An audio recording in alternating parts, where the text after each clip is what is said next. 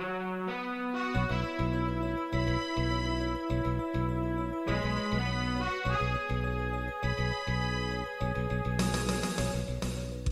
listening to Radio Free Asia. The following program is in Khmer.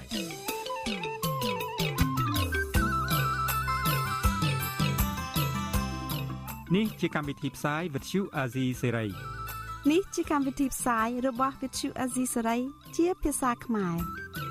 Azizi Serai ជាភាសាខ្មែរ Vuthu Azizi Serai សូមស្វាគមន៍លោកអ្នកនាងទាំងអស់ពីរដ្ឋធានី Washington នៃសហរដ្ឋអាមេរិកចាប់ពីរដ្ឋធានី Washington នាងខ្ញុំម៉ៅសុធានីសូមជម្រាបសួរលោកអ្នកស្ដាប់ទាំងអស់ជាទីមេត្រី ចាយើងខ្ញុំសូមជូនការផ្សាយសម្រាប់ព្រឹកថ្ងៃប្រហ័ស8កើតខែស្រាប ឆ្នាំថោះបញ្ញស័កពុទ្ធសករាជ2567ហើយដល់ត្រូវនឹងថ្ងៃទី24ខែសីហាគ្រិស្តសករាជ2023 ជាជាដំបូងនេះសូមអញ្ជើញលោកអ្នកនាងកញ្ញាស្ដាប់ព័ត៌មានប្រចាំថ្ងៃដែលមានមេត្តាដូចតទៅ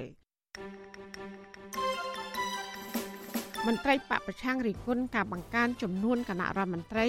ថាជាការខ្ជះខ្ជាយថាវិការជាតិនិងមានអំពើពុករលួយកាន់តែច្រើន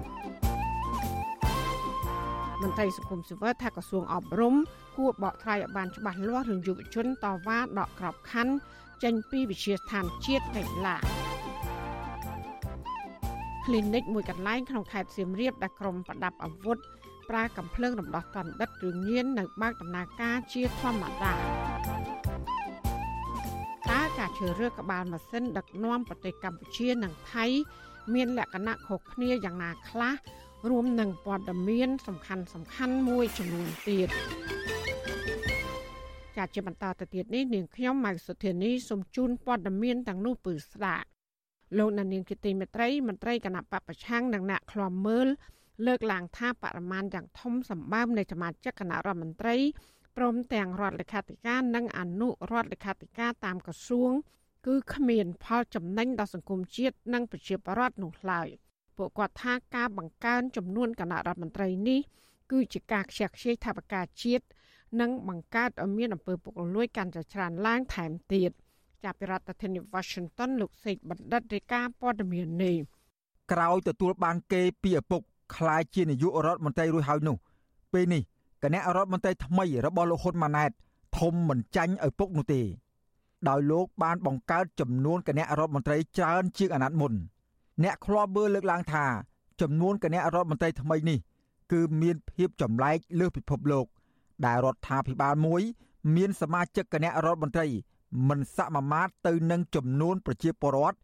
និងបង្កើតទៅជារដ្ឋាភិបាលដែលមានក្បាលធំជាងដងខ្លួនអ្នកសិក្សាផ្នែកច្បាប់លោកវ៉ុនចាន់ឡូតក៏សម្គាល់ឃើញថា កំណើនសមាជិកភាពមន្ត្រីរដ្ឋាភិបាលមានការកើនឡើងពីមួយអាណត្តិទៅមួយអាណត្តិដោយសារការសម្របសម្រួលនិងការសម្បទានផ្នែកនយោបាយច្រើនជាងតម្រូវការនិងចំនួនប្រជាពលរដ្ឋនៅក្នុងប្រទេស ជាមួយគ្នានេះលោកមើលឃើញថា ទោះបីជាមានមន្ត្រីរដ្ឋាភិបាលច្រើន តែបញ្ហាប្រជាពលរដ្ឋនិងប្រទេសជាតិមួយចំនួន មិនត្រូវបានដោះស្រាយដោយសារតែមន្ត្រីខ្លះគ្មានសកម្មភាពនិងខ្លះទៀតបំរើតែផលប្រយោជន៍បកពួករបស់ខ្លួនយើងមើលពីបញ្ហាចាក់ច្រែកក្នុងសង្គមឬបញ្ហាធំធំដូចជាបញ្ហាអំពើពុករលួយការលោភសិទ្ធិមនុស្សឬក៏បញ្ហានីតិរដ្ឋឬក៏បព្វធម៌និសន្តភាពអីទាំងអស់ហ្នឹង ការដោះស្រាយមិនសូវមានប្រសិទ្ធផលប្រមាណទេកន្លងមកណាបាទហើយតែយើងឃើញថាភាគច្រើនវាជាការចាយ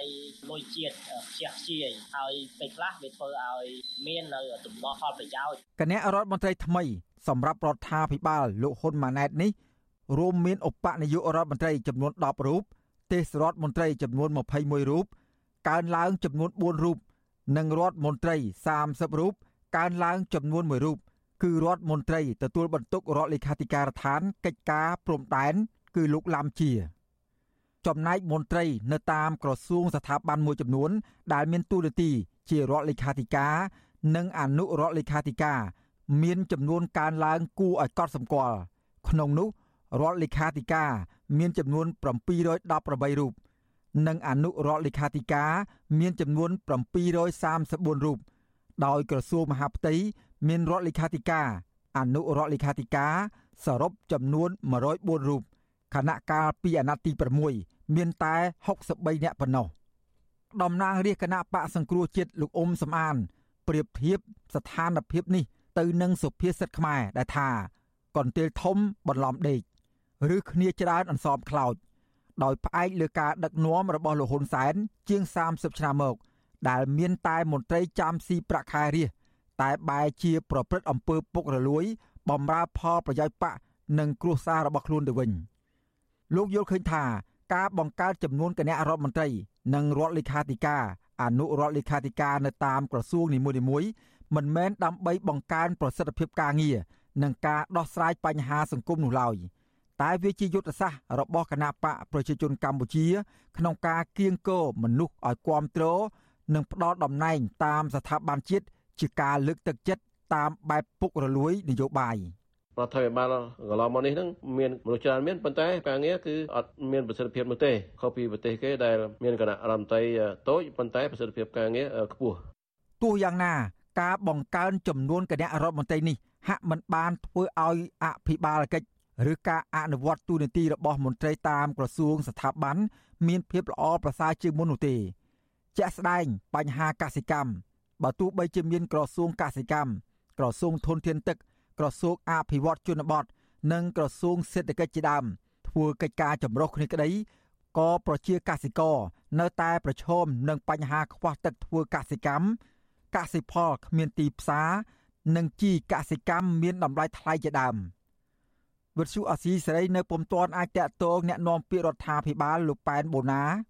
និងអ្នកណែនាំពាក្យគណៈបកប្រជាជនកម្ពុជា លោកសុកអេសាន ដើម្បីសុំការបកស្រាយជុំវិញរឿងនេះបានទេ នៅថ្ងៃទី23ខែសីហាតកតោនឹងរឿងនេះ ប្រធានក្រុមប្រឹក្សាឃ្លាំមើលកម្ពុជា នៅប្រទេសណ័រវេ លោកម៉ែនណាត មានប្រសាសន៍ថាការកើនឡើងនៃចំនួនគណៈរដ្ឋមន្ត្រី នៅក្នុងនីតិកាលទី7នេះបង្ហាញថារដ្ឋាភិបាលថ្មី របស់លោកនាយករដ្ឋមន្ត្រីហ៊ុនម៉ាណែត កំពុងតែធ្លាក់ក្នុងវិបត្តិអតិផរណា ដែលមានន័យថាចំនួនមន្ត្រីពាក់អាវធំកើនឡើងប៉ុន្តែពួកគេកាន់តួនាទីជាន់គ្នា តែយ៉ាងណាលោកម៉ែនណាត សង្កេតឃើញថាកំណើនចំនួនគណៈរដ្ឋមន្ត្រីនេះមិនមែនជាចំណុចល្អសម្រាប់ពលរដ្ឋនោះទេព្រោះសមាជិកគណៈរដ្ឋមន្ត្រីទាំងនោះភាគច្រើនជាមន្ត្រីសម្រាប់ហែហោមបកដោយពួកគេមិនបានយកចិត្តទុកដាក់ដោះស្រាយបញ្ហាសង្គមនិងទុកកង្វល់របស់ប្រជាពលរដ្ឋនោះទេ យើងគួរតកែតម្រង់កាត់បន្ថយចំនួនថ្នាក់ដឹកនាំកម្ពុជាកម្ពុជាដើម្បីដើម្បីធានានៅនិរន្តរភាពជាតិហើយការបង្កើនចំនួនអញ្ចឹងវាវាមិនមែននាំឲ្យជាតិនឹងប្រសើរឡើងទេវាគិតតែរឿងហែកហួរគ្នាយកទូនាទីស្ថាប័នរដ្ឋនឹងទៅរស់ស៊ីដល់រស់ស៊ីមានរស់ស៊ីអីយើងឃើញកន្លងទៅទៅប្លន់ដីវិជាប្រវត្តិហ្នឹងឯងទៅយកដីស្អីដីបឹងទៅទៀតដូចជាបឹងតមោកបឹងអីចឹងអ្នកខ្លោបមើលនិងមន្ត្រីគណៈបកប្រឆាំង ស្នើសុំឲ្យរដ្ឋាភិបាលថ្មី គួរតែពង្រឹងគុណភាពការងារទទួលខុសត្រូវលើបញ្ហាសង្គមនិងសមត្ថភាពរបស់មន្ត្រីរដ្ឋាភិបាលជាជាងបង្កើនតែចំនួនគណៈរដ្ឋមន្ត្រីដែលធ្វើឲ្យខ្ជះខ្ជាយថវិកាជាតិនិងបង្កើនឱកាសប្រព្រឹត្តអំពើពុករលួយខ្ញុំបាទសេកបណ្ឌិតវុទ្ធុអាស៊ីសេរីពីរដ្ឋធានីវ៉ាស៊ីនតោនចាលោកនាងជាទីមេត្រីពាក់ព័ន្ធនឹងរដ្ឋាភិបាលលោកហ៊ុនម៉ាណែតនេះ ប្រទេសកុម្មុយនីសចិនប្រកាសគាំទ្ររដ្ឋាភិបាលដែលដឹកនាំដោយលោកហ៊ុនម៉ាណែតខណៈដែលសហរដ្ឋអាមេរិកនិងប្រទេសលោកសេរីផ្សេងទៀតនៅមិនទាន់បានចេញលិខិតអបអរទេករណីនេះអ្នកនាំពាក្យគណៈបកកណ្ដាលអំណាចលើកឡើង ថាឯកអគ្គរដ្ឋទូតអាមេរិកនិងប្រទេសផ្សេងទៀតដែលបានចូលរួមជាភ្ញៀវនៅពេលប្រជុំសភាលើកដំបូងនោះគឺបង្ហាញពីការទទួលស្គាល់រដ្ឋាភិបាលថ្មីនេះហើយចាលោកយ៉ងច័ន្ទតារារាយការណ៍ព័ត៌មាននេះ ប្រទេសកុម្មុយនីសចិនប្រកាសបដិញ្ញាគ្រប់គ្រងរដ្ឋាភិបាលលោកហ៊ុនម៉ាណែតដោយបញ្ជាក់ពីជំហរជួយសហការដើម្បីដោះស្រាយបញ្ហា និងចែកផលប្រយោជន៍គ្នា រវាងប្រទេសទាំងពីរលិខិតរបស់នាយករដ្ឋមន្ត្រីនៃសាធារណរដ្ឋប្រជាមានិតចិន លោកលីឈៀងបានរំលឹកថា កម្ពុជានិងចិនជាប្រទេសជិតខាងល្អដែលរួមសុខរួមទុក្ខជាមួយគ្នាជាយូរលង់មកហើយលោកក៏បានបញ្ជាក់ពីការបដិញ្ញាជួយគ្រប់គ្រងនិងសហការដោះស្រាយបញ្ហាផ្សេងផ្សេង ដើម្បីផលប្រយោជន៍រួមគ្នារវាងប្រទេសទាំងពីរដោយឡែកនាយរដ្ឋមន្ត្រីជប៉ុន លោក Fumio Kishida វិញក្រៅពីសារអបអរហើយនោះលោកក៏បានបញ្ជាក់ថាជប៉ុន នៅតែរក្សាជំហរជជែកដោយស្មោះត្រង់ពីប្រជាធិបតេយ្យដើម្បីរួមចំណែកដល់ការអភិវឌ្ឍកម្ពុជាទៅតាមបែបប្រជាធិបតេយ្យគិតត្រឹមល្ងាចថ្ងៃទី23ខែសីហាមានលិខិតប្រមាណ20ពីប្រមុខរដ្ឋាភិបាល និងរដ្ឋមន្ត្រីការបរទេសនៃប្រទេសនានា អបអរសាទរលោកហ៊ុនម៉ាណែតឡើងកាន់តំណែងជានាយករដ្ឋមន្ត្រីលិខិតស្ទើរតែទាំងអស់មានលក្ខណៈស្រដៀងគ្នាដោយបានរំលឹកពីប្រវត្តិនៃទំនាក់ទំនងនិងបញ្ជាក់ពីជំហរបន្តការតាក់ទងជាមួយកម្ពុជាតទៅទៀតទោះជាយ៉ាងណារហូតដល់ល្ងាចថ្ងៃទី23ខែសីហាមិនទាន់មានលិខិតអបអរសាទរលោកហ៊ុនម៉ាណែតពីសំណាក់ប្រទេសមហាអំណាចលោកខាងលិចធំធំដូចជាសហរដ្ឋអាមេរិកបារាំងចក្រភពអង់គ្លេសអាល្លឺម៉ង់និងអូស្ត្រាលីនៅឡើយទេ អតីតតំណាងរាជគណៈបកសង្គ្រោះជាតិលោកអ៊ុំសំអានយល់ឃើញថាប្រទេសលោកខាងលិចដែលមិនចេញលិខិតអបអរលោកហ៊ុនម៉ាណែតដោយសារតែពួកគេមិនគ្រប់គ្រងការបោះឆ្នោតដែលមិនត្រឹមត្រូវលោកបន្តថាប្រទេសលោកសេរីទាំងនោះមិនឲ្យតម្លៃនិងមិនមានទំនាក់ទំនងល្អជាមួយរដ្ឋាភិបាលដឹកនាំដោយលោកហ៊ុនម៉ាណែតនោះទេលោកយល់ថាបណ្ដាប្រទេសលោកសេរីទាំងនោះមិនឲ្យតម្លៃនិងមិនមានទំនាក់ទំនងល្អជាមួយរដ្ឋាភិបាលដែលដឹកនាំដោយលោកហ៊ុនម៉ាណែតនោះទេ គេត្រៀមដើម្បីដាក់តនកម្មទៅលើរដ្ឋាភិបាលថ្មីហ្នឹងដូចជាសហភាពអឺរ៉ុបគេអាចនឹងផ្ដាច់ប្រព័ន្ធការគ្រោះពន្ធ EBA ហ្នឹងទាំងស្រុង100%ហើយអាមេរិកក៏នឹងមិនផ្ដល់ប្រព័ន្ធការគ្រោះពន្ធទូទៅ GSP មកដល់កម្ពុជាដែរហើយអាមេរិកបានបានប្រកាសឲ្យថាគេនឹងផ្ដាច់ជំនួយចំនួន18លានដុល្លារសម្រាប់ឆ្នាំនេះនិងឆ្នាំបន្តបន្តទៀតមានច្រើនថែមទៀតណាផ្ទុយពីការលើកឡើងនេះអ្នកនាំពាក្យគណៈបកប្រជាជនកម្ពុជាលោកសុកអេសានថ្លែងថាការដែលប្រទេសលោកសេរីទាំងនោះមិនចេញលិខិតអបអរគឺមិនសំខាន់នោះទេដោយលោកចាត់ទុកថាតំណាងស្ថានទូតប្រទេសប្រជាធិបតេយ្យទាំងនោះបានចូលរួមប្រជុំសភាលើកដំបូងនៃនីតិកាលទី7គឺគ្រប់គ្រាន់ហើយ គាត់មិនធ្វើក៏បានដែរក៏មានវត្តមានលោកទូតចូលរួមប្រជុំដំបូងសភាហ្នឹងគឺតើវាជាការទទួលស្គាល់ការបោះឆ្នោតហើយចាំបាច់ឆ្ងល់អីទៀតបើគាត់មិនចូលរួមអានឹងវាមានន័យផ្សេងតែបើគាត់ចូលរួមបានស្ដីថាគាត់គ្រប់គ្រងការបោះឆ្នោតគ្រប់គ្រងការកើនឡើងនៃក្បាលម៉ាស៊ីនរដ្ឋាភិបាលនិងគ្រប់គ្រងការកកើនឡើងនៃរដ្ឋាភិបាលនីតិកាលទី7បាទអានឹងវាស្វ័យប្រវត្តិអញ្ចឹងអានឹងនៃការទូតវិញអញ្ចឹងការបោះឆ្នោតកាលពីថ្ងៃទី23កក្កដាកន្លងទៅនេះ បានរងការរិះគន់ពីសហគមន៍ជាតិនិងអន្តរជាតិថាលោកហ៊ុនសែនធ្វើឡើងដោយបង្ក្រប់កិច្ចដើម្បីរៀបចំផែនការផ្ទៃអំណាចពីឪពុកទៅកូនដោយការអនុវត្តនៅប្រទេសផ្ដាច់ការមួយចំនួនទៀតដែរខ្ញុំយ៉ងច័ន្ទដារាវិទ្យុអាស៊ីសេរី Washington ចាលោកដានៀងជាទីមេត្រីកម្ពុជានិងថៃដែលជាប្រទេសមានព្រំប្រទល់ជាប់គ្នាបានតែងតាំងនាយករដ្ឋមន្ត្រីថ្មី នៅក្នុងថ្ងៃតែមួយកាលពីថ្ងៃទី22ខែសីហា នាយករដ្ឋមន្ត្រីថ្មីនៅប្រទេសកម្ពុជាដឹកនាំដោយកូនប្រុសច្បងរបស់លោកហ៊ុនសែនគឺលោកហ៊ុនម៉ាណែតរីឯនៅប្រទេសថៃវិញគឺដឹកនាំដោយក្រុមគណៈបករបស់កូនស្រីអតីតនាយករដ្ឋមន្ត្រីថៃលោកថាក់ស៊ីនស៊ីណាវ៉ាត់គឺលោកសេដ្ឋាទ្វីសិនតើការជ្រើសរើសក្បាលម៉ាស៊ីនដឹកនាំប្រទេសទាំងពីរនេះមានលក្ខណៈខុសគ្នានិងដូចគ្នាយ៉ាងណាខ្លះចាសសេចក្តីរាយការណ៍ពិស្ដារអំពីរឿងនេះលោកណានៀងនឹងបានស្ដាប់នាពេលបន្តិចទៀតនេះ លោកណានីជាទីមេត្រីដំណើរធាននឹងស្ដាប់ការផ្សាយរបស់វិទ្យុអសីស្រី តាមបណ្ដាញសង្គម Facebook YouTube និង Telegram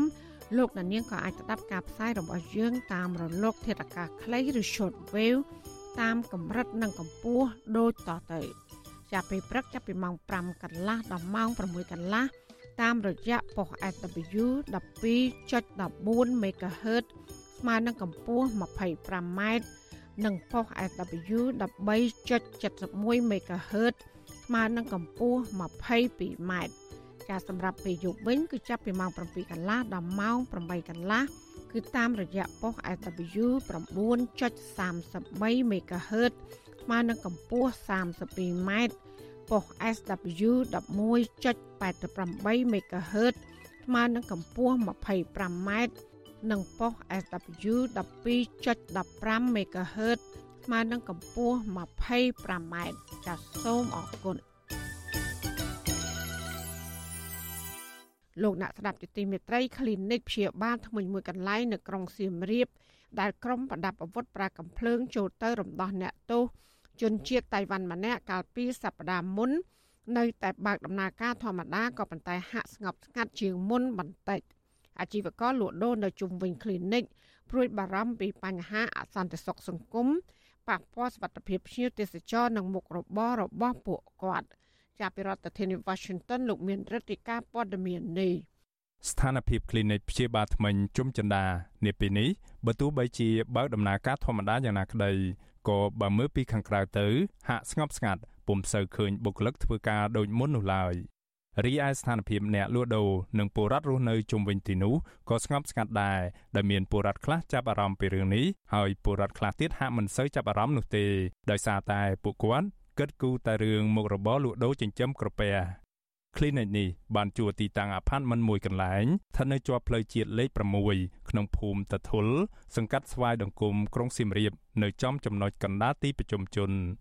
អ្នកគ្រប់គ្រងអាផាតមិន Story Encore Tour ដែលស្ថិតនៅក្នុងហេតុការណ៍នោះគឺលោកសលងជីរៀបរាប់ថាលោកភ័យខ្លាចយ៉ាងខ្លាំងពេលឃើញគេភ្ជុំក្បាលលោកហើយបង្គាប់ឲ្យនៅស្ងៀមដើម្បីរំដោះអ្នកទោសខណៈលោកមិនបានដឹងរឿងអ្វីទាល់តែសោះនោះលោកបញ្ជាក់ថាក្នុងហេតុការណ៍នោះក្រុមប្រដាប់អាវុធមិនបានប្រើហិង្សាទៅលើនរណាម្នាក់នោះឡើយដោយគ្រាន់តែចាប់ចងប៉ូលីសមិនឲ្យតដៃ ហើយបុគ្គលទាំងអស់ត្រូវនៅស្ងៀមថ្មឹងវាថាចង់ដឹងវាអារម្មណ៍ពិតពេលហ្នឹងណាគឺអារម្មណ៍ភ័យមែនទែនខ្លាចនឹងព្រឺពេញខ្លួនអស់ប្រៃអត់ដឹងរត់មិនអីមិនបើគេមានកំភ្លើងហើយវាមានអាភ្លើងនោះឡាទេបើសិនតែបាច់ទៅយើងយើងរត់តាមបើសិនតែដល់មកក៏ពីរនាក់នៅចាំមុខទៀតលោកសលងជីបន្ថែមថាក្រុមប្រដាប់អាវុធបានធ្វើសកម្មភាពនេះយ៉ាងលឿនដោយប្រើពេលប្រហែលជា3នាទីចន្លោះពីម៉ោង8កន្លះព្រឹកនៅថ្ងៃទី17ខែសីហាហើយពួកគេមានគ្នា6នាក់ឈរនៅខាងក្រោយ2នាក់ ខាងក្នុង clinic 2នាក់និង2នាក់ទៀតឈរនៅឯផ្លូវជាតិដើម្បីចាំមើលផ្លូវលោកបញ្ជាក់ថាអ្នកទោសដែលពួកគេរំដោះនោះបានរត់ទៅខាងក្រោយ apartment ដោយមានរថយន្តមួយគ្រឿងចាំទទួលយ៉ាងគ្រប់គ្នាឆ្ងល់ពីច្រើនមិនថាការខុសទៅលើភេកព័ត៌មានប៉ូលីសក៏សួរប្រទេសរញ្ញាក៏សួរហេតុអីក៏មិនរត់ហេតុអីក៏អញ្ចឹងទៅរត់មិនកើតបើ គេផ្ចង់ភ្លើងឲ្យកិនរៀមឲ្យនៅស្ងៀមខ្ញុំមាននៅស្ងៀមព្រោះអីខ្ញុំគិតថាគេមកដោះគ្នាគេទេអញ្ចឹងគេមិនបានមកលក្ខណៈធ្វើបាបយើងអញ្ចឹងណាបើយើងមិនបានធ្វើមួយឬតដៃមួយក៏គេមិនធ្វើបាបយើងដែរគឺតែប៉ុណ្្នឹងទេអត់បានធ្វើបាបមានណាទេស្មីទៅពេលថ្មីក៏បានធ្វើបាបដែរគឺចាប់ទៅប៉ូលីសកុំអោយតដៃឬក៏ធ្វើអីមួយទៅប៉ុណ្្នឹងទេហើយគាត់ក្រុមប៉ុណ្្នឹងក៏រត់ទៅវិញទៅ អាជីវករលក់ដូរនៅក្បែរ clinic នេះថ្លែងក្នុងលក្ខខណ្ឌសុំមិនបញ្ចេញឈ្មោះប្រាប់វិសុវស៊ីស្រីថានៅថ្ងៃកាត់ហេតុលោកស្រីមិនបានចាប់អារម្មណ៍ចំពោះរឿងរ៉ាវនេះទេដោយគ្រាន់តែឃើញរថយន្តបើកចេញចូល clinic នេះធម្មតាធម្មតាប៉ុណ្ណោះលោកស្រីថាហេតុការណ៍នេះហាក់កើតឡើងដោយស្ងៀមស្ងាត់ហើយទើបតែភ្ញាក់ផ្អើលនៅគ្រាដែលមានប៉ូលីសច្រើនមកនិងផ្សព្វផ្សាយតាមបណ្ដាញសង្គមតែប៉ុណ្ណោះពីអត់ឃើញតឡានពេទ្យហើយនឹងប៉ូលីសចម្រុះនេះហើយខ្ញុំស្មានតែគេមក ខាងហាងកូរ៉េរឿងពុនរឿងអីតែប៉ាដឹងប៉ុណ្ណឹងរីឯបុរដ្ឋម្នាក់ទៀតរស់នៅក្រុងសៀមរាបលោកម៉ាលីសានីយល់ថាតំបន់ទេសចរប្រវត្តិសាស្ត្រមិនគួរកើតមានករណីដូចនេះទេព្រោះប៉ះពាល់ដល់ភ្ញៀវទេសចរដែលជាប្រភពចំណូលយ៉ាងសំខាន់របស់បុរដ្ឋមានការតក់ស្លុតក្នុងខេត្តរបស់យើងគឺមានជនបរទេសដែលប្រើប្រាស់អាវុធខុសច្បាប់ក្នុងពោលដល់អាជ្ញាធរ នៅក្នុងខេត្តសៀមរាបសូមរក្សាថែទាំសុខុមាលភាពសុវត្ថិភាពដល់ប្រជាជននៅក្នុងខេត្តកាលពីព្រឹកថ្ងៃទី17ខែសីហាជនល្មើសមានគ្នា6នាក់ពាក់ស្រោមមុខខ្មៅប្រដាប់ដោយកំភ្លើងតកនងគ្រប់ដៃបានចូលរំដោះអ្នកទោសជនជាតិតៃវ៉ាន់ម្នាក់ឈ្មោះឆេនស៊ីនហានដែលជាប់ទោសចំនួន52ឆ្នាំពីបទជួញដូរគ្រឿងញៀន ករណីនេះកើតឡើងនៅពេលដែលមន្ត្រីពន្ធនាគារបានបញ្ជូនអ្នកទោសរូបនោះទៅព្យាបាលធ្មេញនៅ clinic ធ្មេញជុំចិន្តានៅក្រុងសៀមរាបចៅសង្កាត់រងទី2ក្រុងសៀមរាប លោកនងធីរ៉ាគិតថាហេតុការណ៍នេះឆ្លុះបញ្ចាំងពីភាពអនាធិបតេយ្យដែលជនបរទេសប្រើប្រាស់កំភ្លើងនៅក្នុងប្រទេសកម្ពុជា ធ្វើឲ្យបុរដ្ឋនិងភ្ញៀវទេសចរបារម្ភពីអំពើអសន្តិសុខសង្គមនិងអសវត្ថិភាពជនជាតិចិន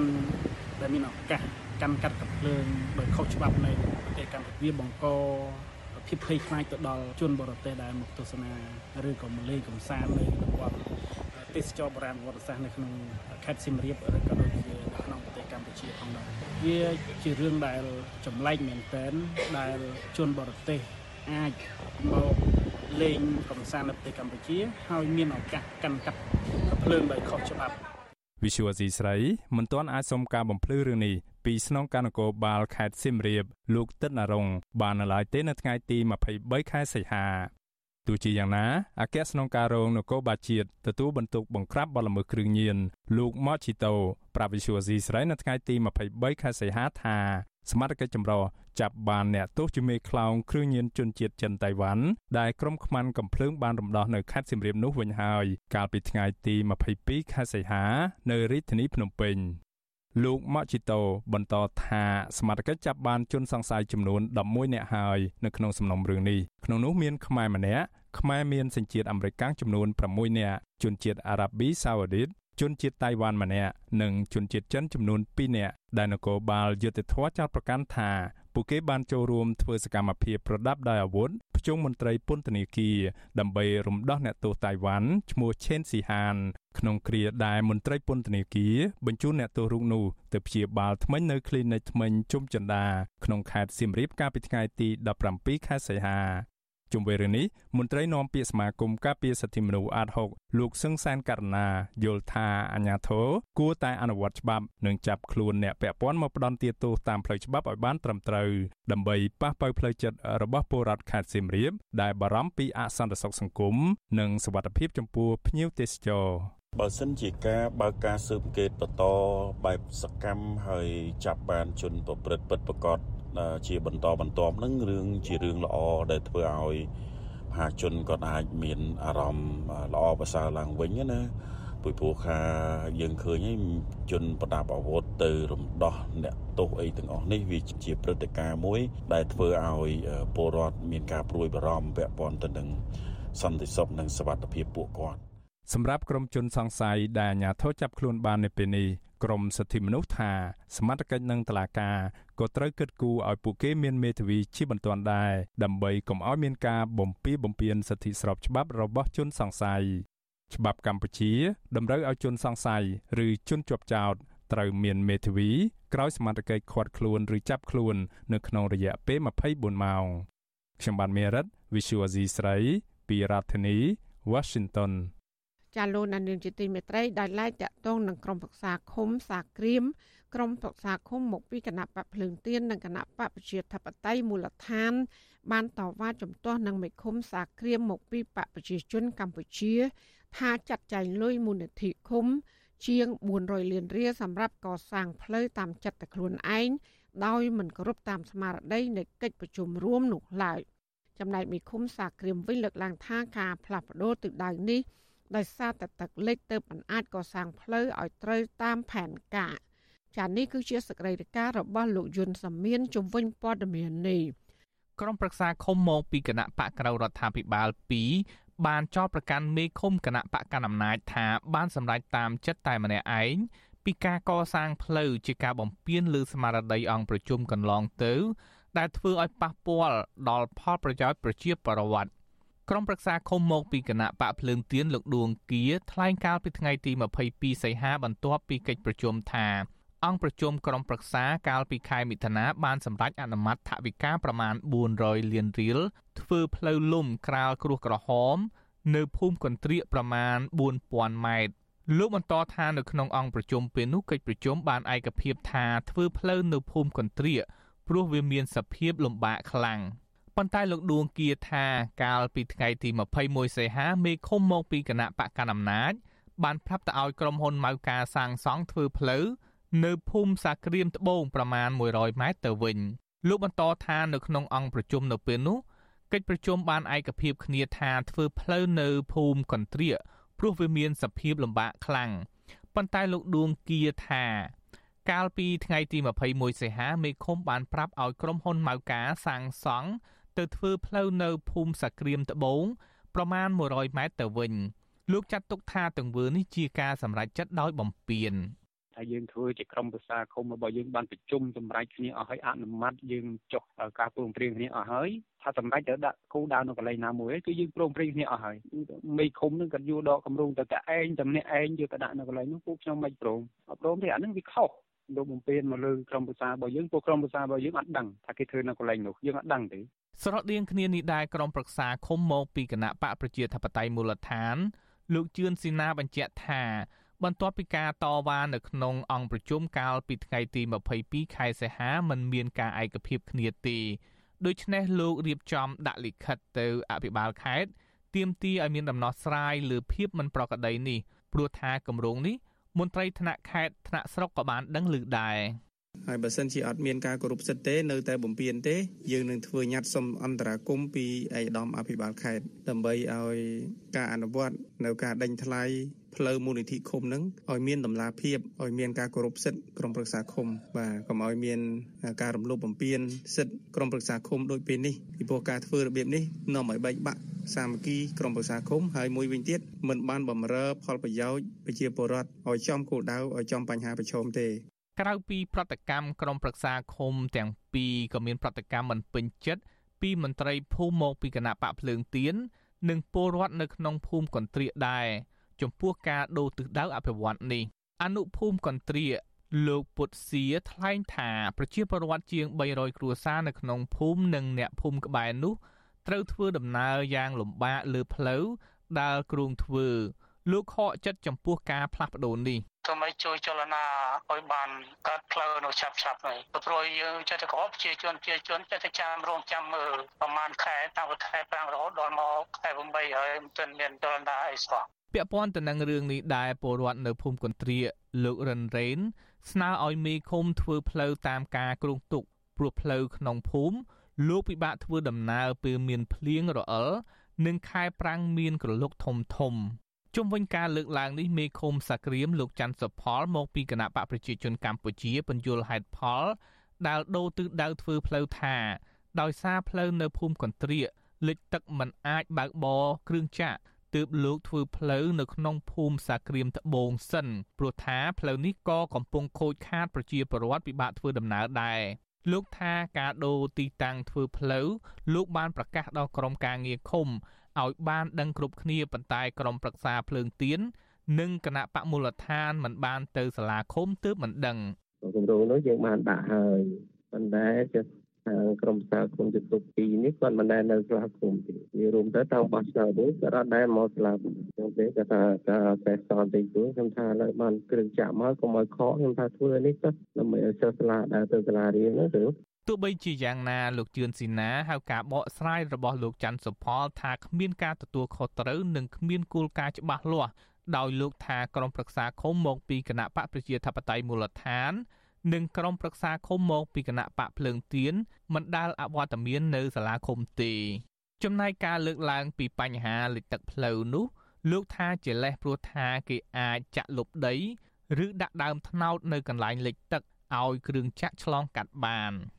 គឺមានផ្លូវចូលតាមក្រុមហ៊ុនមេកុងនិងមានផ្លូវចូលមួយទៀតមកពីខាងភូមិស្វាយសភូមិស្វាយសហ្នឹងគឺភូមិលងជួរហ្នឹងគឺគេមានផ្លូវគេសម្រាប់ចូលមកដល់ភូមិកតិដូចគ្នាសម្រាប់ដាក់គ្រឿងចាក់អាចសហការជាមួយប្រជាពលរដ្ឋកាប់ដើមថ្នោតដើមអីដើម្បីកល់ធ្វើជាស្ពានដើម្បីដាក់គ្រឿងចាក់មកបានព្រោះប្រជាពលរដ្ឋគេចាំតែសហការទេដោយឡែកមកពីមេឃុំខ្លួនឯងទេដែលមិនព្រមអនុវត្តទៅតាមអ្វីដែលបានដេញថ្លៃហើយយកលេសយករួចខ្លួនខ្លួនឯងអាហ្នឹងមិនមែនជាការទទួលខុសត្រូវក្នុងនាមជាមេដឹកនាំទេ ពាក់ព័ន្ធទៅនឹងរឿងនេះអភិបាលខេត្តកំពង់ធំលោកងួនរតនាថ្លែងថាលោកមិនទាន់ដឹងពីចំនួននេះនៅឡើយទេលោកបញ្ជាក់ថាលោកនឹងសាកសួរព័ត៌មានពីក្រុមការងារឃុំដើម្បីដោះស្រាយអូចាំមើលខ្ញុំឲ្យគាត់រាយការណ៍ណាព្រោះអានឹងជាសិទ្ធិរបស់គាត់បាទជាសមត្ថកិច្ចគាត់ដែលគាត់ប្រជុំគាត់អីហ្នឹងតែគេអនុវត្តយ៉ាងម៉េចចាំមើលខ្ញុំខ្ញុំសូមឲ្យគាត់ប្រភ្លឺតិចណាអរគុណបងបាទឃុំសាក្រៀមជាឃុំមួយនៅក្នុងស្រុកប្រាសាទបាឡាំងខេត្តកំពង់ធំ ឃុំនេះមានប្រជាពលរដ្ឋជាង10000នាក់ស្មើនឹងជាង2000គ្រួសារនៅឃុំសាក្រៀមមានអាសនៈក្រុមប្រឹក្សាឃុំចំនួន7ក្នុងនោះគណៈបកប្រជាជនកម្ពុជាមាន3អាសនៈគណៈបកភ្លើងទៀនមាន2អាសនៈនិងគណៈបកប្រជាធិបតេយ្យមូលដ្ឋានមាន2អាសនៈខ្ញុំយុនសាមៀនវិទ្យុអាស៊ីសេរីប្រធានាធិបតី Washington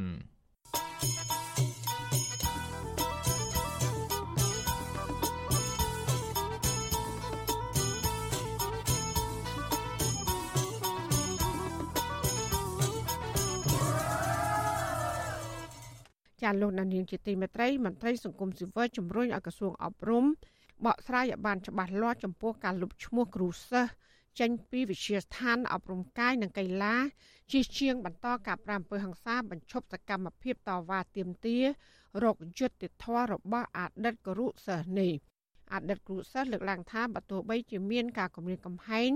របស់អាជ្ញាធរយ៉ាងណាក៏ដោយក៏យុវជនរូបនេះនៅតែទាមទាររកយុត្តិធម៌ចំពោះការលុបឈ្មោះ ចេញពីវិជាឋានជាតិអប់រំកាយនិងកីឡាចាលោកយ៉ងច័ន្ទរាមានសេចក្តីរាយការណ៍មួយទៀតអំពីរឿងនេះសមត្ថកិច្ចខណ្ឌដូនពេញបានប្រើអំពើហិង្សា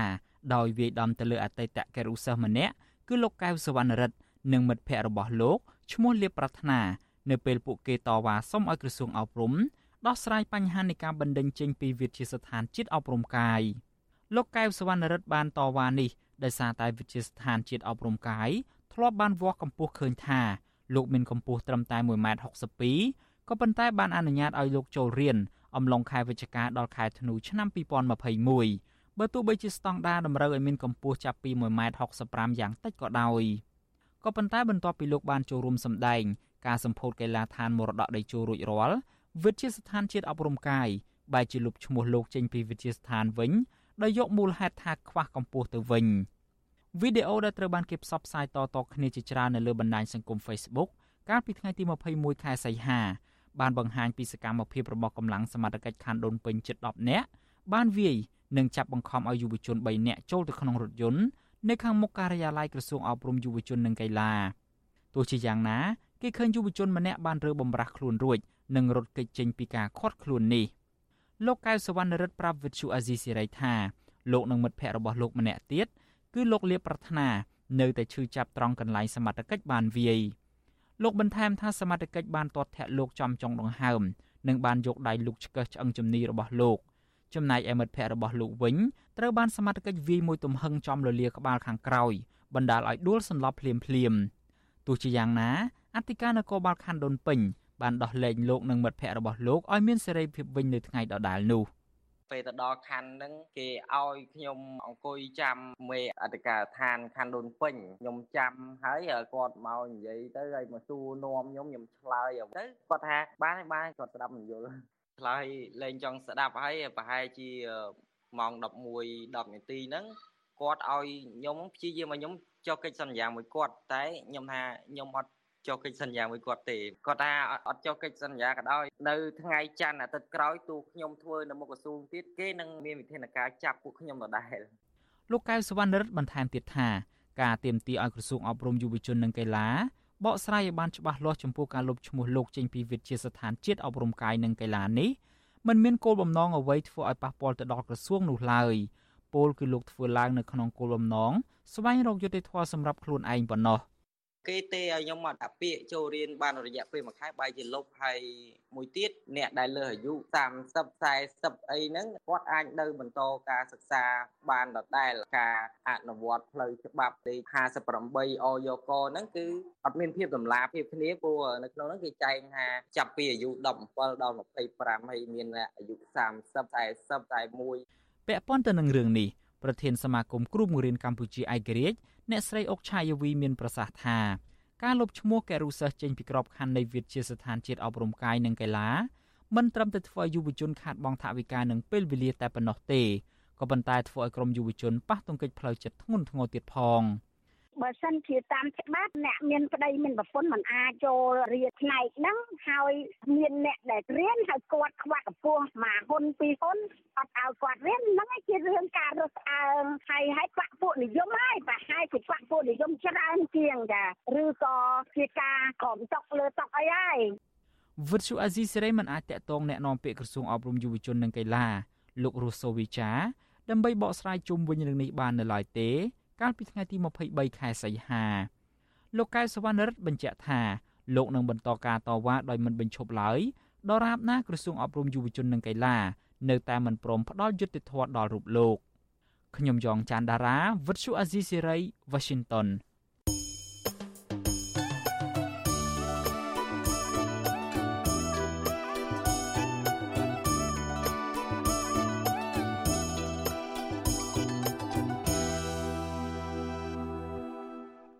ចាលោកណានៀងជាទីមេត្រីស្របពេលនៃការផ្លាស់ប្ដូររដ្ឋាភិបាលថ្មី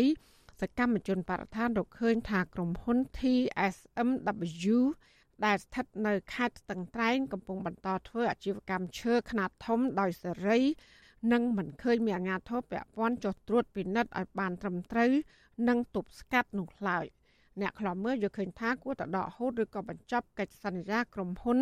ដែលបានប្រព្រឹត្តល្មើសនឹងច្បាប់ ចាលោកមានរិទ្ធមានសេចក្តីរាយការណ៍ដាច់ដライមួយទៀតជំវិញព័ត៌មាននេះសកម្មជនការពីប្រៃឈើរកឃើញថាក្រុមហ៊ុន TSMW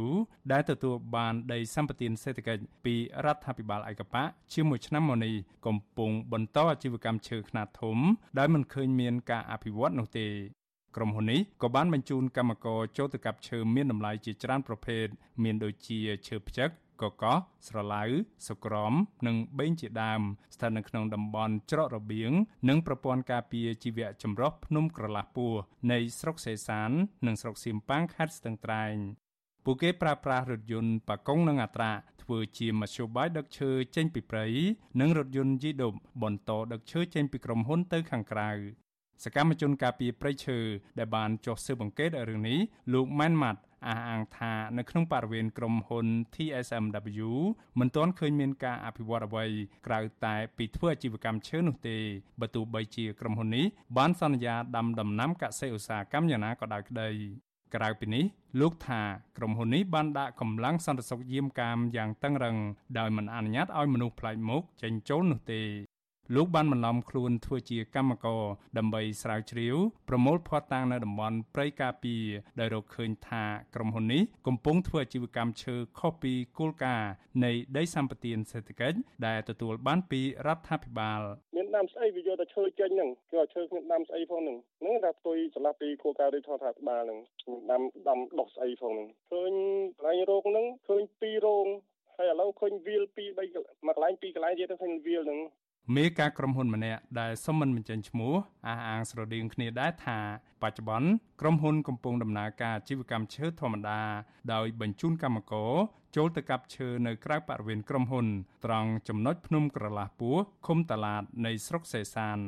លោកបានថែមថាក្រុមហ៊ុននេះក៏កំពុងប្រកាសស្វែងរកកម្មករបន្ថែមទៀតដើម្បីពន្លឿនការផ្គត់ផ្គង់ឈើឲ្យទាន់ចិត្តអ្នកបញ្ជាទិញពីឈ្មួញ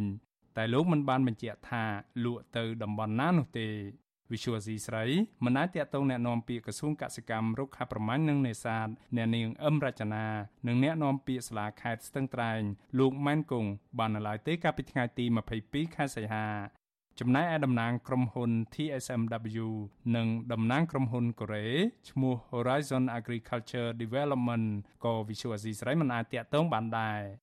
រដ្ឋាភិបាលឯកបៈលោកហ៊ុនសែនកាលពីខែមីនាឆ្នាំ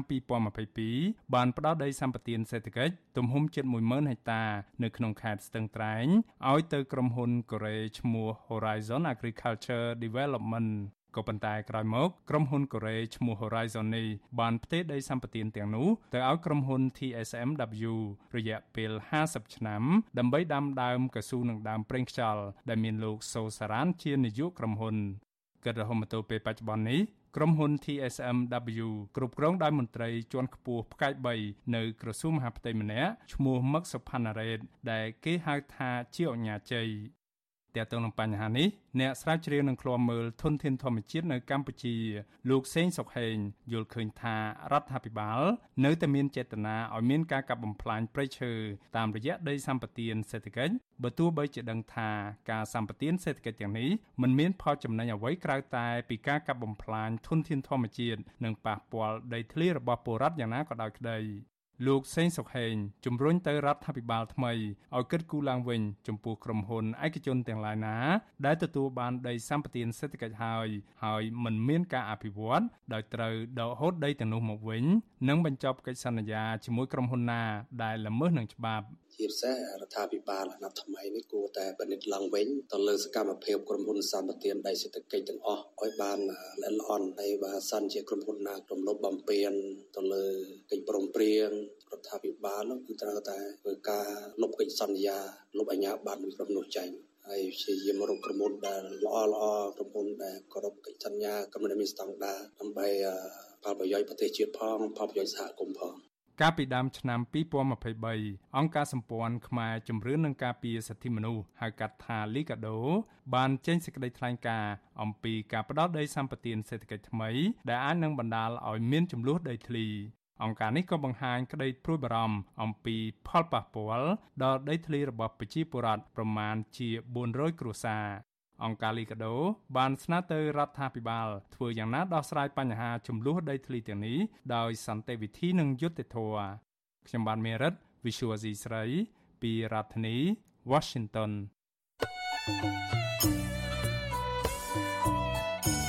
ចាលោកនាងជាទីមេត្រីវັດជុអសីស្រីសូមជូនដំណឹងថាយើងគ្មានអ្នកយកព័ត៌មានប្រចាំនៅប្រទេសកម្ពុជានោះឡើយ បើសិនជាមានជនណាម្នាក់អះអាងថាជាអ្នកយកព័ត៌មានឲ្យវិទ្យុអសីស្រីនៅកម្ពុជានោះគឺជាការក្លែងបន្លំយកឈ្មោះរបស់វិទ្យុអសីស្រី ក្នុងគោលបំណងទុច្ចរិតរបស់បុគ្គលនោះចាសសូមអរគុណ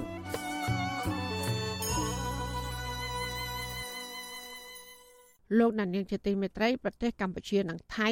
គឺជាប្រទេសដែលមានព្រំប្រទល់ជាប់គ្នាបានតែងតាំងនាយករដ្ឋមន្ត្រីថ្មី ក្នុងថ្ងៃតែមួយកាលពីថ្ងៃទី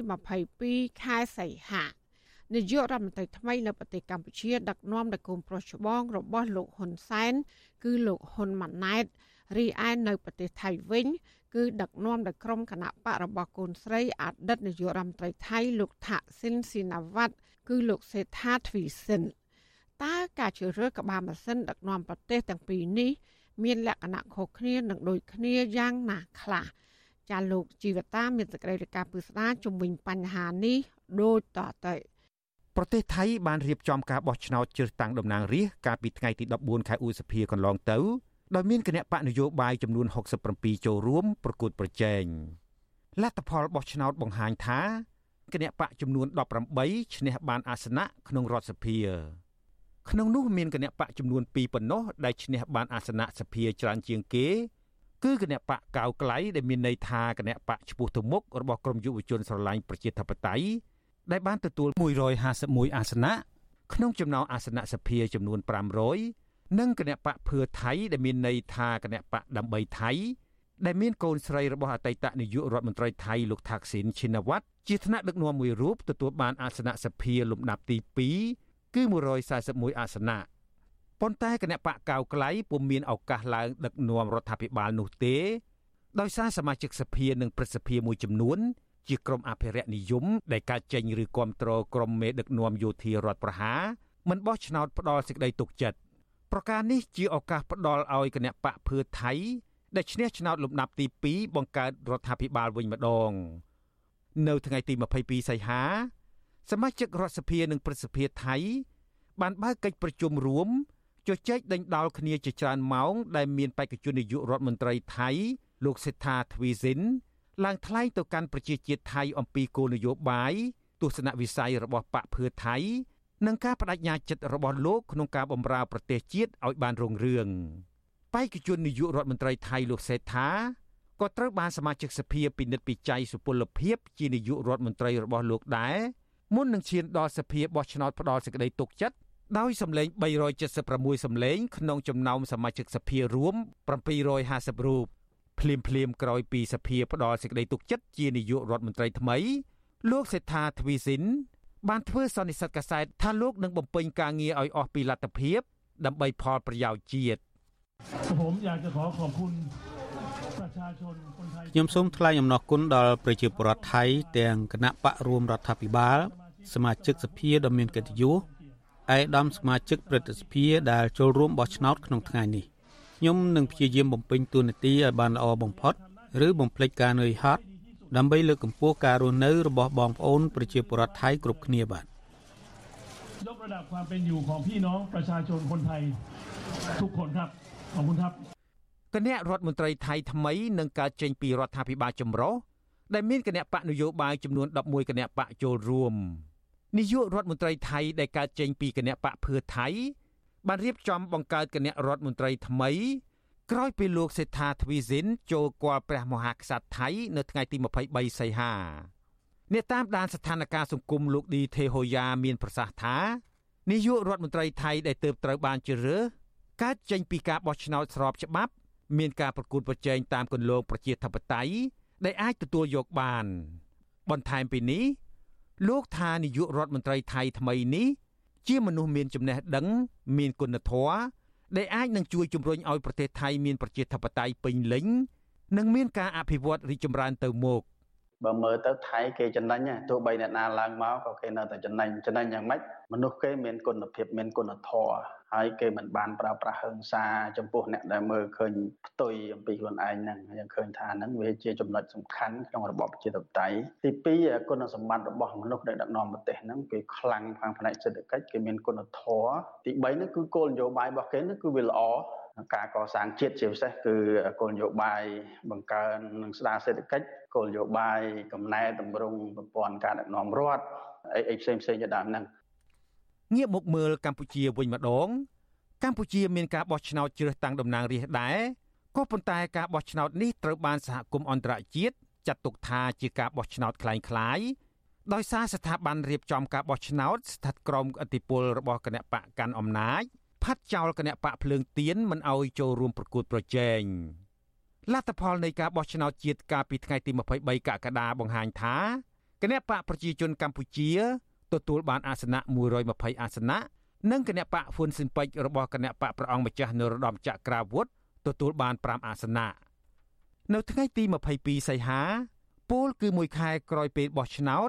រដ្ឋសភានីតិកាលទី7បានបើកសម័យប្រជុំលើកទី1និងបានបោះឆ្នោតជាកញ្ចប់ជ្រើសរើសសមាជិកសភាថ្នាក់ដឹកនាំសភា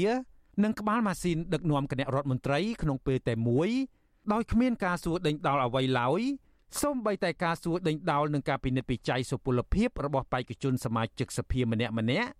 ដោយមានចែងកំណត់ក្នុងមាត្រា82នៃរដ្ឋធម្មនុញ្ញក៏មិនបានធ្វើឡើងដែររដ្ឋសភាក៏បានបោះឆ្នោតផ្ដល់ទំនុកចិត្តដល់គណៈរដ្ឋមន្ត្រីថ្មី ដែលមានលោកហ៊ុនម៉ាណែតធ្វើជានាយករដ្ឋមន្ត្រីដោយសម្លេងឆ្នោត123សម្លេង ក្នុងចំណោមសមាជិកសភាសរុប125រូប ផ្ទុយពីរដ្ឋាភិបាលថៃថ្មីជារដ្ឋាភិបាលចម្រុះកើតចេញពីគណៈបកចំនួន11ដែលបង្ហាញពីពហុបកនៃសម្លេងចម្រុះគណៈរដ្ឋមន្ត្រីថ្មីនៅកម្ពុជាឯនេះវិញ ជារដ្ឋាភិបាលឯកបកដែលមានឧបនាយករដ្ឋមន្ត្រី10រូបទេសរដ្ឋមន្ត្រី21រូបនិងរដ្ឋមន្ត្រី30រូបទៀតដែលសុទ្ធសឹងជាកូនចៅនិងសាច់ញាតិរបស់មន្ត្រីកម្ពូលកម្ពូលនៃគណៈបកប្រជាជនកម្ពុជាភ្លាមភ្លាមក្រោយសភាផ្ដល់សេចក្តីទុកចិត្ត នាយករដ្ឋមន្ត្រីដែលបន្តវេនពីឪពុកគឺលោកហ៊ុនម៉ាណែតបានឡើងបដិញ្ញាចិត្តនៅចំពោះមុខសមាជិកសភាដោយចាត់ទុកក្រុមប្រឆាំងនិងអ្នកដែលមាននានាការផ្ទុយពីរដ្ឋាភិបាលរបស់លោក ថាជាក្រុមអកតេនិងជាអ្នកដែលបំផ្លាញប្រជាធិបតេយ្យទៅវិញគេពុំលឺលោកហ៊ុនម៉ាណែត លើកឡើងពីការផ្សះផ្សាជាតិនិងវិធានការដោះស្រាយបញ្ហារំលោភសិទ្ធិមនុស្សដែលពលរដ្ឋកម្ពុជាតូចតាចកំពុងជួបប្រទះនោះទេ ហើយក៏ជាការឆ្លុះបញ្ចាំងឲ្យឃើញពីការបដិសេធយ៉ាងដាច់អហង្ការពីសំណាក់ប្រជាពលរដ្ឋដ៏ច្រើនលើសលប់ចំពោះទង្វើអកតៈរបស់ក្រុមជនមួយចំនួនដែលបានខិតខំតាក់ទាញប្រជាជាតិកម្ពុជាឲ្យចាក់ចេញពីកន្លងនៃវាគាប្រជាធិបតេយ្យនិងនីតិរដ្ឋហើយយុយយកអុចអាបំផុសប្រជាពលរដ្ឋឲ្យលុះទៅនឹងមហិច្ឆតាផ្ទាល់ខ្លួនរបស់ពួកគេដែលប្រកបទៅដោយពឹសពុលនិងគ្រោះថ្នាក់បំផុតសម្រាប់ប្រជាជាតិ ជុំវិញរឿងនេះអ្នកអត្ថាធិប្បាយនយោបាយលោកកឹមសុខយល់ឃើញថានាយករដ្ឋមន្ត្រីក្រមការដឹកនាំរបស់គណៈបកប្រជាជនកម្ពុជា ដែលកើតចេញពីការបោះឆ្នោតបង្ក្រប់កិច្ចអាចនឹងធ្វើឲ្យពលរដ្ឋហូរទឹកភ្នែកនិងទំនងមិនអាចជួយស្ដារប្រជាធិបតេយ្យនៅកម្ពុជាឲ្យរស់ឡើងវិញនោះទេ គឺជារដ្ឋាភិបាលដែលកើតមកបង្កើនបន្ទុកឲ្យប្រជាពលរដ្ឋចិញ្ចឹមមិនមែនកើតមកដើម្បីចិញ្ចឹមប្រជាពលរដ្ឋទេហើយខួខ្សោយនៅត្រង់ថាកើតមកគឺគម្រាមកំហែងធ្វើសង្គ្រាមជាមួយនឹងខ្មែរភៀកគីផ្សេងផ្សេងទៀតដោយប្រើពាក្យសុទ្ធតែអកតេគឺមិនយល់អំពីរបៀបដឹកនាំប្រទេសដូច្នេះរដ្ឋាភិបាលនៅប្រទេសកម្ពុជាយើងគឺរដ្ឋាភិបាលខុសច្បាប់កាត់បញ្ច្រាស់ជើង ក្បាលធំខួរខ្សោយ និងមានរាងកាយសម្បូរទៅដោយអក្រិតជនអ្នកតាមដានស្ថានភាពសង្គមនិងអ្នកវិភាគមើលឃើញថា រវាងនាយករដ្ឋមន្ត្រីថ្មីរបស់កម្ពុជានិងថៃ មានលក្ខណៈខុសគ្នាដាច់ស្រឡះទាក់ទិននឹងការផ្សះផ្សាបង្រួបបង្រួមជាតិនិងការស្ដារសេដ្ឋកិច្ចកម្ពុជាឲ្យរីកចម្រើន ពួកគេជឿថានាយករដ្ឋមន្ត្រីកម្ពុជាលោកហ៊ុនម៉ាណែត បើលោកនៅបន្តធ្វើតាមគោលនយោបាយរបស់ឪពុកលោក ដែលជាអ្នកបំផ្លាញប្រជាធិបតេយ្យនិងពហុបកនោះជីវភាពរបស់ពលរដ្ឋនិងសេដ្ឋកិច្ចរបស់កម្ពុជាទាំងមូលនឹងធ្លាក់ស្រុតចុះកាន់តែខ្លាំងឡើង ជាងពេលបច្ចុប្បន្នដោយសារតែសហគមន៍អន្តរជាតិនឹងបន្តកាត់ជំនួយ និងប្រព័ន្ធអនុគ្រោះពន្ធនៅកម្ពុជា ចំណែកនាយករដ្ឋមន្ត្រីថៃថ្មីវិញដែលទំនងជាមេដឹកនាំផ្សះផ្សាជាតិនិងជាអ្នកជំនួញជោគជ័យម្នាក់ផងនោះ ប្រហែលនឹងអាចជួយឲ្យប្រជាពលរដ្ឋថៃរស់នៅក្នុងជីវភាពល្អប្រសើរជាងពេលបច្ចុប្បន្នខ្ញុំជីវិតាអាស៊ីសេរី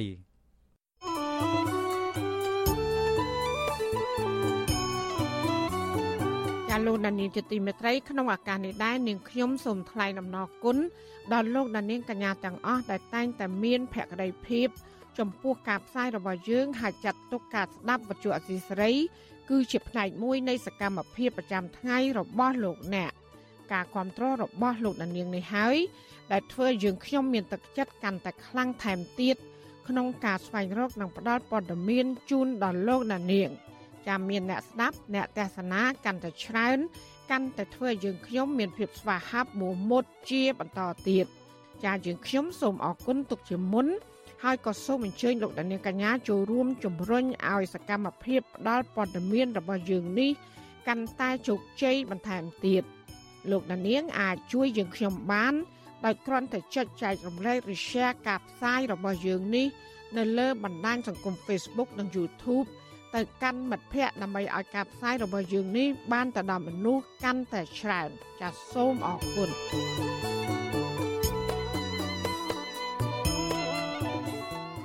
ចាលោកដានីលជាទីមេត្រីសកម្មជនគណៈបកភ្លើងទៀនកំពុងភៀសខ្លួននៅប្រទេសថៃគឺលោកផនផាន់ណា អំពាវនាវឲ្យគណៈបកកណ្ដាលអំណាចបញ្ឈប់ការធ្វើទុកបុកម្នេញនិងការប្រាអំពើហិង្សាលើក្រុមគ្រួសាររបស់លោកជាបន្តទៀត។ការស្នើសុំនេះធ្វើឡើងក្រោយពេលដែលមានក្រុមមនុស្សមិនស្គាល់មុខចំនួន3នាក់បានប្រាអំពើហិង្សាលើលោកដោយលោកអះអាងថាគឺជាក្រុមបាត់ដៃទី3ពាក់ព័ន្ធនឹងមន្ត្រីគណៈបកកាន់អំណាច ចានេះគឺជាសកម្មភាពការពុស្ដារបស់អ្នកស្រីសុជីវីជំវិញបញ្ហានេះសកម្មជនគណៈបកភ្លើងទៀនលោកផនផាណាចាត់ទុកការប្រើអំពើហិង្សា ការបំផិតបំភ័យនិងការតាមគំរាមកំហែងលើរូបលោកជាបន្តបន្ទាប់នេះថាជាការវាយបំបាក់ស្មារតីដើម្បីបញ្ឈប់លោកមិនឲ្យចូលរួមធ្វើការងារសង្គមនិងនយោបាយជាមួយបកប្រឆាំងលោកផនផាណាប្រាប់វិទ្យុអាស៊ីសេរីនៅថ្ងៃទី23ខែសីហាថា លោករងការធ្វើទុកបុកម្នេញជាបន្តបន្ទាប់ក្រោយពេលដែលរដ្ឋមន្ត្រីក្រសួងកាងារលោកហេងសួរហៅឲ្យលោកទៅជួបជាច្រើនសារដើម្បីបញ្ចុះបញ្ចូលឲ្យលោក ចូលទៅបម្រើបកកាន់អំណាចប៉ុន្តែលោកបដិសេធមិនជួប លោកបន្តថាគោលបំណងដែលលោកហេងសួរហៅឲ្យលោកទៅជួបគឺចង់ឲ្យលោកចុះចូលជាមួយបកកាន់អំណាច និងសន្យាឲ្យតំណែងទៅតាមការចង់បានរបស់លោកថែមទៀតផង លោកបន្ថែមថាមូលហេតុដែលលោកបញ្ចូលរួមជីវភាពនយោបាយជាមួយគណៈបកកាន់អំណាចគឺដោយសារតែមើលឃើញពីអយុត្តិធម៌សង្គមនិងការរំលោភសិទ្ធិមនុស្សជាច្រើនក្រោមការដឹកនាំរបស់បកកាន់អំណាច។ យើងសកម្មជនគណៈបកប្រឆាំងហើយក៏ជាអ្នកប្រជាធិបតេយ្យយើងមិនបានធ្វើអីខុសសោះយើងគ្រាន់តែទៀមទាចង់ឲ្យកម្ពុជាមានលទ្ធិប្រជាធិបតេយ្យពិតប្រាកដហើយយើងប្រើសិទ្ធិរបស់យើងដែលបានចែងនៅក្នុងច្បាប់រដ្ឋធម្មនុញ្ញនៃព្រះរាជាណាចក្រកម្ពុជាគាំពៀដោយច្បាប់យើងមិនបានធ្វើអ្វីផ្ទុយពីច្បាប់សោះបែរជាមានការធ្វើទុកបុកម្នេញរហូតដល់យើងអាចរស់នៅនៅក្នុងស្រុកកំណើតប្រទេសកំណើតរបស់ខ្លួនបានហើយយើងភៀសខ្លួនមកប្រទេសថៃហើយធ្វើទុកបុកម្នេញដល់ប្រទេសថៃទៀត លោកផនផាណាបន្ថែមថាមានអ្នកផ្ញើសារមកគម្រាមលោកថាបើលោកមិនចុះចូលជាមួយគណៈបកកណ្ដាលអំណាចទេឪពុកម្ដាយរបស់លោក នៅក្នុងស្រុកនឹងមានគ្រោះថ្នាក់លោកផនផាណាអះអាងថាក្រុមមនុស្សមួយក្រុមដែលវាយលោកឲ្យមានស្នាមជាប់ពេញខ្លួន កាលពីថ្ងៃទី22ខែសីហានោះគឺមានអ្នកជួលទំនងជាពាក់ព័ន្ធនឹងរឿងដែលលោកមិនព្រមចុះចូលជាមួយបកកាន់អំណាច គេក៏តាក់ទងមកខ្ញុំថាលោកហេសួរនឹងចង់ជួបខ្ញុំចង់យកខ្ញុំធ្វើការជាមួយអញ្ចឹងណាហើយចង់បានទួនាទីអីនិយាយជាមួយគេទៅហើយបើសិនជាខ្ញុំអត់ជួបទេគេនឹងទៅលេងផ្ទះរបស់ខ្ញុំនៅភ្នំពេញហើយក្រោយមកក៏មានប្រពន្ធខ្ញុំមានគ្រោះថ្នាក់ចរាចរណ៍មានអីជាបន្តបន្ទាប់អញ្ចឹងមកហើយខ្ញុំក៏មានដីកាផ្សេងផ្សេងបន្តបន្ទាប់មកទៀតលោកផនផាណាជាអតីតសកម្មជនគណៈបកសង្គ្រោះជាតិ នៅប្រទេសកូរ៉េខាងត្បូងចន្លោះពីឆ្នាំ2016ដល់ឆ្នាំ2020លោកធ្លាប់ចូលរួមធ្វើនយោបាយជាមួយគណៈបកសង្គ្រោះជាតិ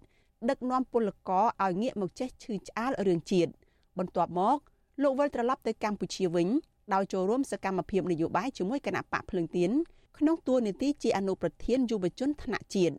ប៉ុន្តែក្រោយមកលោកផនផាណាបានភៀសខ្លួនទៅប្រទេសថៃដើម្បីរក្សាសុវត្ថិភាពកាលពីខែសីហាឆ្នាំ2022 ដោយសារតុលាការដែលស្ថិតនៅក្រោមខ្សែញាក់របស់លោកហ៊ុនសែនបានកាត់ទោសឲ្យលោកជាប់ពន្ធនាគារ5ឆ្នាំរួមជាមួយថ្នាក់ដឹកនាំនិងសកម្មជនរាប់សិបនាក់ទៀតពាក់ព័ន្ធនឹងការចោទប្រកាន់រឿងគាំទ្រគម្រោងវិលជុលស្រុកវិញរបស់ប្រធានស្ដីទីគណៈបកសង្គ្រោះជាតិលោកសំរងស៊ីបន្ថែមពីនេះគណៈកម្មាធិការជាតិរៀបចំការបោះឆ្នោតហៅកាត់ថាកោជបកាលពីខែកក្កដាថ្មីថ្មីនេះក៏បានចោទប្រកាន់លោកពីបទធ្វើសកម្មភាពញុះញង់បំផ្លាញការបោះឆ្នោត ដែលលោកត្រូវបង់ប្រាក់ផាកពិន័យ10លានរៀលនិងបាត់បង់សិទ្ធិចូលឈ្មោះឲ្យគេបោះឆ្នោតរយៈពេល20ឆ្នាំដោយគ្រាន់តែលោកបញ្ចេញមតិរិះគន់ការបោះឆ្នោតថាមិនត្រឹមត្រូវជុំវិញការចោទប្រកាន់នេះវិទ្យុអាស៊ីសេរីមិនអាចតាក់ទងលោកហេសួរដែលទើបតែឡើងជារដ្ឋមន្ត្រីក្រសួងការងារនិងបណ្ដុំបណ្ដាលវិជ្ជាជីវៈដើម្បីសុំការឆ្លើយតបបាននៅឡើយទេនៅថ្ងៃទី23ខែសីហាប៉ុន្តែអ្នកនាំពាក្យគណៈបកប្រជាជនកម្ពុជាលោកសុកអេសាន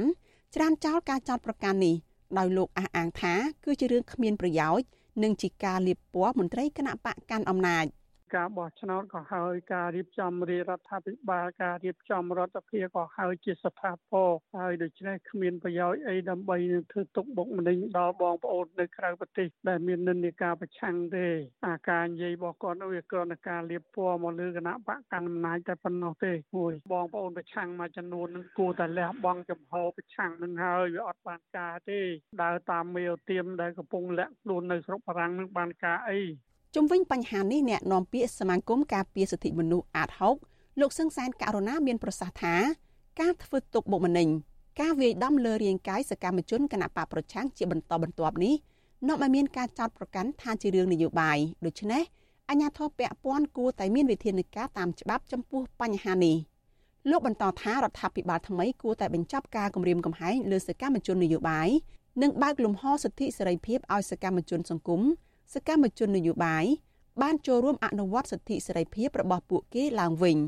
រដ្ឋាភិបាលថ្មីណាក៏អាចមានការពិចារណាក្នុងការបើកនៅលំហសិទ្ធិសេរីភាពការប្រកួតប្រជែងផ្នែកនយោបាយផ្សេងៗហ្នឹងឲ្យមានភាពទូលំទូលាយឡើងវិញដើម្បីបន្តកសាងនិងអភិវឌ្ឍប្រទេសកម្ពុជានឹងឲ្យស្របតាមស្មារតីនៃរដ្ឋធម្មនុញ្ញក៏ដូចជាកិច្ចព្រមព្រៀងទីក្រុងប៉ារីការគោរពសិទ្ធិមនុស្សក្តីលំហនៃប្រជាធិបតេយ្យបើកលំហនៅសេរីភាពសារព័ត៌មាននឹងឲ្យបានពេញលេញបាទ ក្រៅពីលោកផនផាណាដែលរងការវាយដំនិងយាយីតាមប្រព័ន្ធតុលាការនោះកន្លងទៅសកម្មជនគណបកប្រឆាំងដែលភៀសខ្លួននៅប្រទេសថៃផ្សេងទៀតក៏ធ្លាប់ត្រូវបានជន់មិនស្គាល់មុខព្រួតវាយបណ្ដាលឲ្យរងរបួសហើយអ្នកខ្លះទៀតត្រូវបានអាជ្ញាធររបស់លោកហ៊ុនសែនសហការជាមួយអាជ្ញាធរថៃចាប់បញ្ជូនទៅដាក់ពន្ធនាគារនៅកម្ពុជាវិញជាបន្តបន្ទាប់ដើម្បីបំបិតមិនឲ្យមានសម្លេងរិះគន់ពីប្រទេសថៃចំណែកនៅក្នុងស្រុកវិញ ថ្នាក់ដឹកនាំនិងសកម្មជនគណៈបកភ្លើងទៀនមួយចំនួនកំពុងរងការគំរាមចាប់ខ្លួន ការប្តឹងផ្តល់តាមផ្លូវតុលាការ ការគំរាមកំហែងអាយុជីវិត វាយធ្វើបាបគប់ដុំថ្មចូលផ្ទះនិងជិះម៉ូតូឬឡានដេញបុកពីជនមិនស្គាល់មុខហើយអ្នកខ្លះទៀតបានស្លាប់នៅក្នុងហេតុការណ៍គ្រោះថ្នាក់ចរាចរណ៍ក្រោយពីពួកគាត់បានបង្កើនសកម្មភាពនយោបាយជាមួយគណៈបកប្រឆាំងគិតមកដល់ពេលនេះសកម្មជនដែលជាជនរងគ្រោះ នៃអំពើលួចវាយប្រហារនោះមានប្រមាណ50នាក់ទៀតហើយករណីទាំងនេះអាជ្ញាធរមិនបានចាប់ខ្លួនជនដៃដល់មកផ្ដន់ទោសនោះទេដោយសារតែជនល្មើសនៅក្រៅសំណាញ់ច្បាប់ទើបករណីហិង្សាលើសកម្មជនគណបកប្រឆាំងបន្តកើតឡើងជាហូរហែបច្ចុប្បន្នមានសកម្មជនគណបកប្រឆាំងជិត100នាក់កំពុងភៀសខ្លួននៅប្រទេសថៃដោយសារអាជ្ញាធររដ្ឋាភិបាលលោកហ៊ុនសែនធ្វើទុកបុកម្នេញទោះជាយ៉ាងណាលោកផនផាណា នៅតែមានគោលជំហរ ថាទោះបីជាលោកជួបការលំបាកដោយសារតែការប្រើអំពើហិង្សា ការតាមឃ្លាំមើលពីជនបាត់ដៃទី3យ៉ាងណាក៏ដោយក៏លោកនៅតែមានឆន្ទៈចូលរួមជួយការងារសង្គមដើម្បីឲ្យប្រទេសជាតិមានប្រជាធិបតេយ្យឡើងវិញនាងខ្ញុំសុជីវី With you Azizi Saray ពីរដ្ឋធានី Washington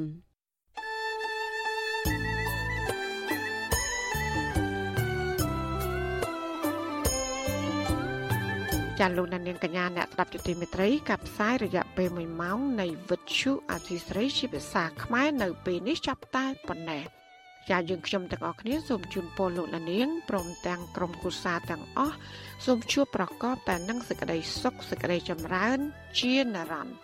ចានាងខ្ញុំម៉ៃសុធានីព្រមទាំងក្រុមការងារទាំងអស់នៃវិទ្យុអាស៊ីស្រីសូមអរគុណនិងសូមជម្រាបលា